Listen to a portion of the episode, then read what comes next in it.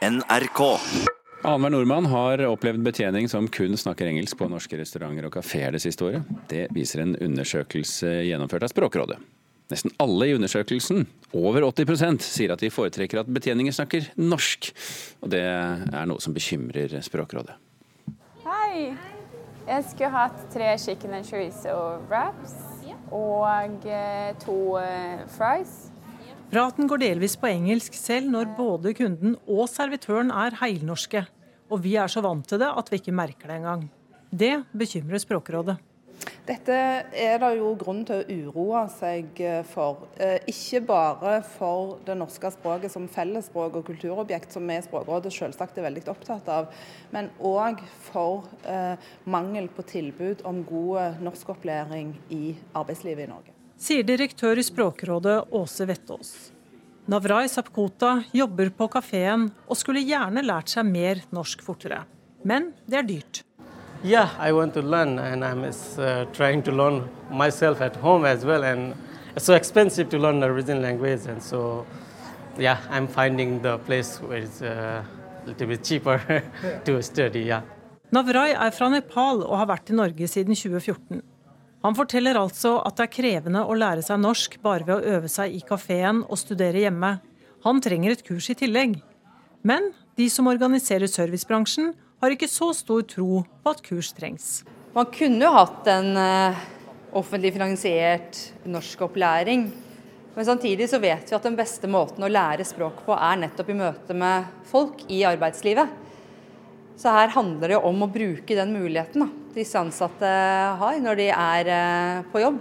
Sier Helga Bull, direktør for service og kultur i Virke, som representerer en stor del av restaurant- og utelivsbransjen.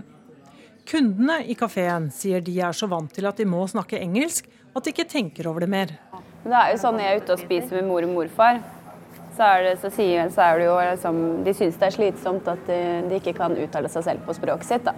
Men sånn blir jo verden. Alle blir jo veldig internasjonale med flere kulturer, så man kan liksom ikke gjøre noe for å stoppe det heller. Undersøkelsen til Språkrådet sier at åtte av ti foretrekker at betjeningen i en restaurant snakker norsk. Det tallet viser jo at selv om det er mange i Norge som forstår engelsk og er gode i engelsk, så foretrekker vi altså massivt å kunne bruke vårt eget språk. Skal det være sånn at man må kunne engelsk for å kunne bestille mat på en restaurant i Norge? Hvis det er vanskelig å få bestilt, så er det alltids hjelp å få. Enten av noen kollegaer eller på internett, rett og slett. Reportere her, det var Elisabeth Grøndal og Christian Ingebretsen. Vinneren er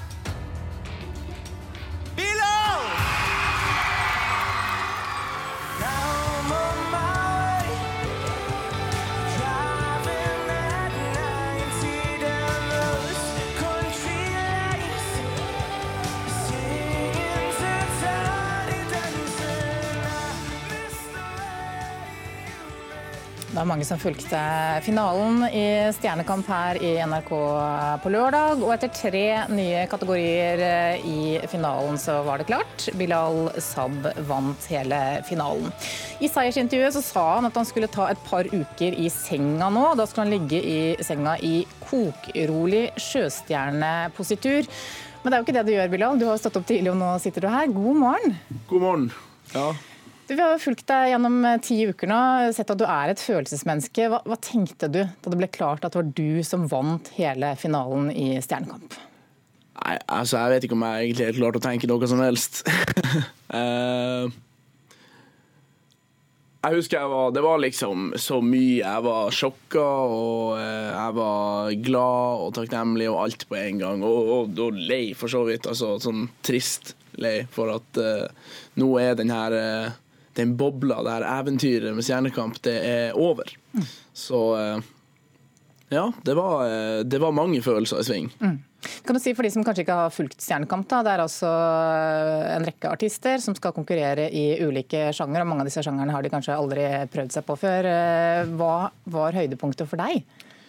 Og Det var mange høydepunkt for min del. Men hvis jeg skal si det liksom desidert største høydepunktet med hele, hele sesongen, så må det være den duetten som jeg hadde med han Adam Douglas i semifinalen. Det var helt rått. Det var skikkelig, skikkelig gøy. Fordi Nei, det er um, Jeg har jo uh, jobba en del med den, uh, med den sjangeren da, fra før, som den låta var, da. Uh, I tillegg til det så Så, så ja, så jeg fikk liksom visst ei, ei anna side av meg som jeg følte meg trygg på, uh, som jeg ikke hadde visst i Stjernekamp tidligere. Og i tillegg så er jo han Adam Douglas en knakende god vokalist. Altså jeg mener kanskje den beste innenfor sitt område i Norge.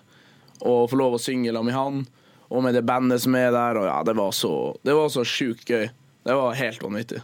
Så har vi sett eh, i salen, eh, så har du hatt litt av en heiagjeng, må vi kunne si. Et hav av blå T-skjorter og plakater med ja, oppmuntrende ord, må vi vel eh, kunne kalle det. Og bilder av deg. Eh, Familien din har rett og slett eh, kommet ned hver eneste lørdag fra Finnmark. Ja. De har, eh, de har vært mannsterke eh, hver eneste lørdag. Det er jo eh, rimelig sprøtt i seg sjøl, bare det at de har eh, tatt seg både råd og tid til å reise ned hit hver eneste lørdag. Så det Nei, det Jeg står jo hele gjengen evig i gjeld til det der greiene der. Det Ja, tusen takk. Det er ikke noe mer man, jeg, jeg vet ikke hva mer man kan si til det der. Det, det er så sprøtt. Så inn, altså Innimellom alle disse øvingene, du har øvd i ulike sjangre, da, mange timer, men du har også tatt deg tid til fisking innimellom. Ja. Nei, altså for min del så er øh, fisking og musikk, for den saks skyld, øh, og naturen og sånn, det er på en måte min sånn her øh, avkoblingsgreie. Så hvis jeg kan eh, ta og traske meg en tur på fjellet og eh, lete etter ryper, eller hvis jeg kan eh, fære på havet og, og fiske litt der, så, så går jeg bare inn i et rom, og så lukker jeg døra bak meg, og så tenker ikke jeg på de greiene som er utafor det rommet. Da er jeg bare i det rommet. Uh, og det er veldig, veldig deilig. Å få lov å gjøre det nå under Stjernekamp, det, det var strengt tatt bare nødvendig. For det, var, eh, det er mye å være i den bobla og bare tenke Stjernekamp og bare tenke øving. Eh, hva skjer neste lørdag? Jeg må huske på det og det og det. Jeg må nå opp i den tonen der, og da må jeg bruke den og den funksjonen. Og så sitter du der og bare åh, åh. Så eh, Å bare få lov å ikke tenke på en skit i én time, to timer, da er jeg, da er jeg back on track. Hva skal du bruke denne eh, seieren i Stjernekamp til? Eh, jeg for min del håper jo å kunne Eller jeg skal satse uansett, men jeg håper at det vil ha en større effekt. Eh, så jeg skal satse litt på eh, bandet som jeg spiller i, som heter Northkid.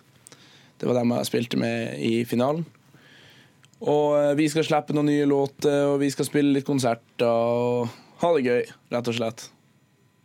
Ekspertdommer i finalen var Ella Marie Hetta Isaksen, som altså vant eh, Stjernekamp eh, i fjor. Hun sier at det ikke er en nordnorsk sjel som ikke er umenneskelig stolt av deg. Har du merket det? Uh, Ut ifra alle de flere hundre meldingene og sånn som er kommet inn fra uh, fjernt og nær, holdt jeg på å si, og spesielt fra Nord-Norge, så ser det jo nesten ikke verre ut. Men altså, det Om det er sant bare til en viss grad, så er jeg mer enn fornøyd. Men først nå så skal du også hjem, legge deg i sjøstjernepositur, er det sånn? Det skal jeg gjøre. da får du hvile deg. Takk skal du ha, Bilal Sad. og igjen gratulerer med seier i Stjernekamp. Tusen takk. En som ikke ligger i sjøstjerneposisjon, det er Manchester United-manager Ole Gunnar eh, Solskjær. Han er en eh, aktiv eh, fyr og en veldig populær mann for tiden, kulturreporter Mia Becker. Ja, eh, Solskjær han smadrer andre norske idrettsprofiler i, medieom, i antall medieomtaler i Norge så langt i år, ifølge medieovervåkeren som Retriever, Retriever har utarbeidet for NTB. Eh, United-manageren er eh, nærme, nærmer seg 19 000 medieoppslag og utklasser både andre- og tredjeplassen. Nærmest han er langrennsløperne Johannes Øsflot Klæbo og Therese Juhaug med henholdsvis ca. 7500 og 6800 oppslag. Under dem på listen, da? Martin Ødegaard befinner seg der. Emil Iversen, Jakob Ingebrigtsen er populær. Det er også Magnus Carlsen og Karsten Warholm. Du hadde jo én her, Therese Johaug. Hvor er resten av de kvinnelige idrettsutøverne? Nei, Det har seg sånn at eh, åtte åtte av de ti mest omtalte idrettsprofilene i Norge de mest omtalte idrettsprofilene i Norge er menn. Dvs. Si at det kun er to på den to topp ti. Det er da Therese Johaug og Ingvild Flugstad Østberg, ifølge denne lista. Analysesjef i Retriever Guro Lindebjerg eh, sier til NTB at eh, når kvinner må kjempe mot eh, verdensnavnet Solskjær, så er førsteplassen foreløpig utenfor rekkevidde. I Sverige derimot så toppet langrennsløperen Charlotte Kalla en lignende liste, og hun hadde med seg hele fem andre kvinner topp ti. Selv om det er få kvinner blant de topp ti mest omtalte idrettsprofilene i Norge, så finner man Ada Hegerberg, Maiken Caspersen Falla og Caroline Graham Hansen lengre ned på lista. Og nå fra sport til musikk.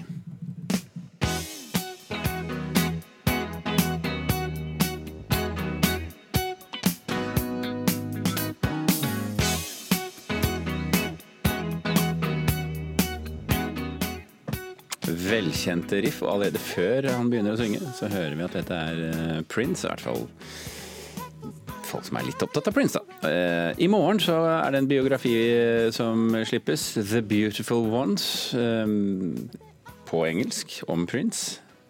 Ukjente sider av livet kommer frem her, Mia. Hvilke? Eh, det var lenge usikkert på hva som skulle skje med bokprosjektet som ble startet allerede før eh, Prince tok sitt eget liv i 2016. Eh, og forfatteren Dan Pepenberg, og jeg vet ikke helt om jeg sa det riktig nå, fikk innpass til artisten sitt liv før han tok en overdose og døde i april i 2016.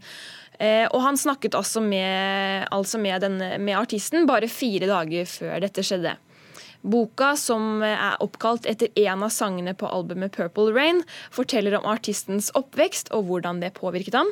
Foreldrenes konflikter og skilsmisse skal eh, ha preget artisten sterkt.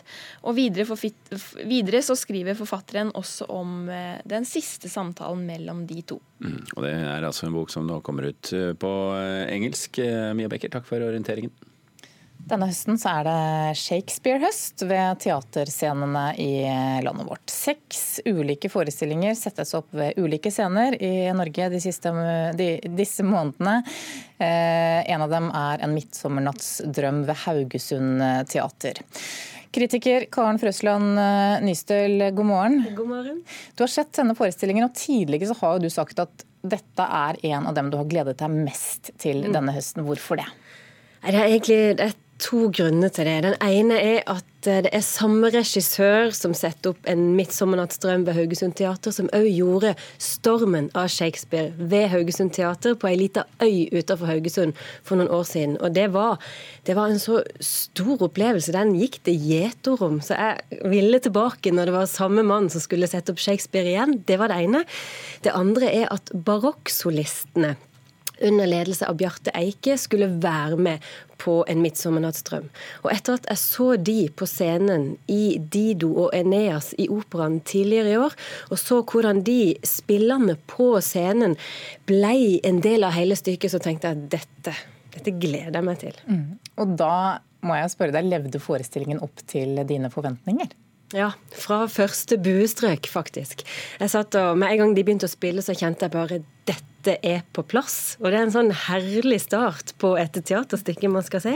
Eh, så det er sånn at barokksolistene de er på scenen, og de, de, danser og de synger og de spiller, og de driver liksom forestillinga framover. Det er på en måte musikk musikken eller eh, lederen for ensemblet som, er, som spiller den viktigste rollen her. Eh, skuespillet handler om altså Det er en forviklingskomedie da, av Shakespeare. En eh, hertug som har vært på krig, skal gifte seg med sitt bytte. Og inn i historien så kommer det fire unge mm, mennesker som ikke helt finner ut av kjærligheten og hverandre. Så kan du legge til en dose magi ved at, ved at en, en alv, en alvekonge og en alv vil spille disse fire et puss og finne en blomst med en magisk nektar som gjør at den første du ser når du våkner, blir du forelska i. Masse forviklinger, og så ender det godt. Så det er et veldig artig stykke, og ekstra artig når du har så levende musikere på scenen. Men hva er det som gjør forestillingen så god?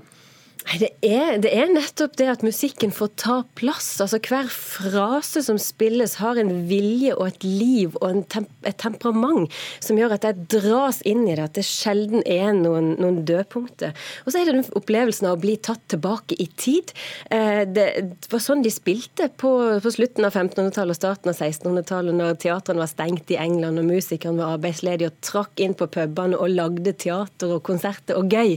Og sånn oppleves dette så er det, det er gode skuespillere, men det er, det er, mer å hente både hos de, deres kapasitet, og i det koreografiske. Det er mer å gjøre med dramaturgien, hvordan historier fortelles her. Men det er likevel så bra når det er et så godt ensemble på scenen, og da spesielt musikerne, som bare drar det av gårde og får deg med og får deg til å le. Det er veldig fint. Mhm, okay.